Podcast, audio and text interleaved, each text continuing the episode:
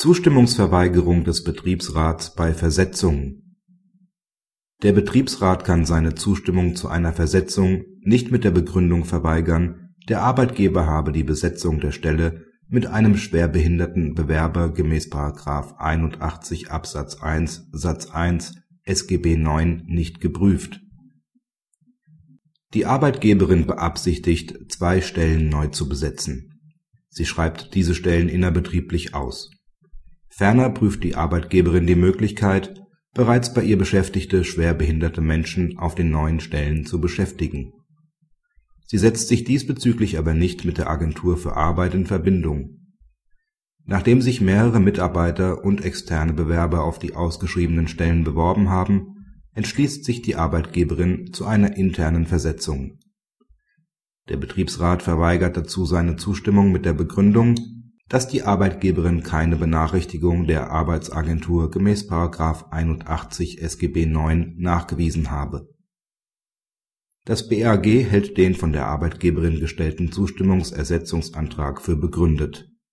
Der Betriebsrat kann seine Zustimmung zu den Versetzungen nicht nach § 99 Absatz 2 Nr. 1 Betriebsverfassungsgesetz wegen eines Gesetzesverstoßes verweigern es ist zwar unstreitig, dass die Arbeitgeberin im vorliegenden Fall keinen Kontakt zur Agentur für Arbeit aufgenommen und damit gegen ihre Pflichten aus § 81 Absatz 1 Satz 1 und 2 SGB IX verstoßen hat, ein solcher Verstoß begründet ein Zustimmungsverweigerungsrecht des Betriebsrats jedoch allenfalls bei Einstellungen, nicht aber bei internen Versetzungen in letzterem Fall sind externe schwerbehinderte Arbeitnehmer ebenso wie externe nicht schwerbehinderte Menschen gleichermaßen von der Stellenbesetzung ausgeschlossen.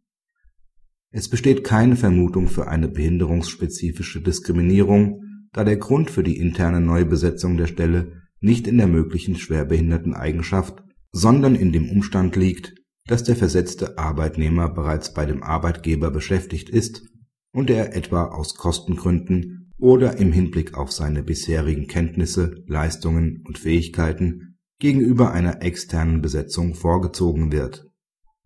Dem allgemeinen Arbeitsmarkt wird folglich kein Arbeitsplatz zulasten der Gruppe der Schwerbehinderten entzogen. Die Zustimmungsverweigerung des Betriebsrats war somit nicht gerechtfertigt. Kritik Die Entscheidung überzeugt nur teilweise im vorliegenden Fall hatte die Arbeitgeberin eine externe Neubesetzung der offenen Stellen zumindest ernsthaft in Erwägung gezogen und demzufolge zwei externe Bewerber zu Vorstellungsgesprächen eingeladen.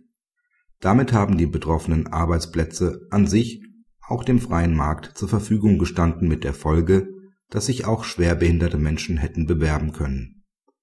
Letztlich wäre es daher konsequenter die Anwendung des § 81 Absatz 1 SGB IX und damit verbunden ein Zustimmungsverweigerungsrecht des Betriebsrats nur dann zu vermeiden, wenn sich der Arbeitgeber von vornherein auf eine interne Stellenbesetzung festgelegt und die Einstellung externer Bewerber kategorisch ausgeschlossen hat.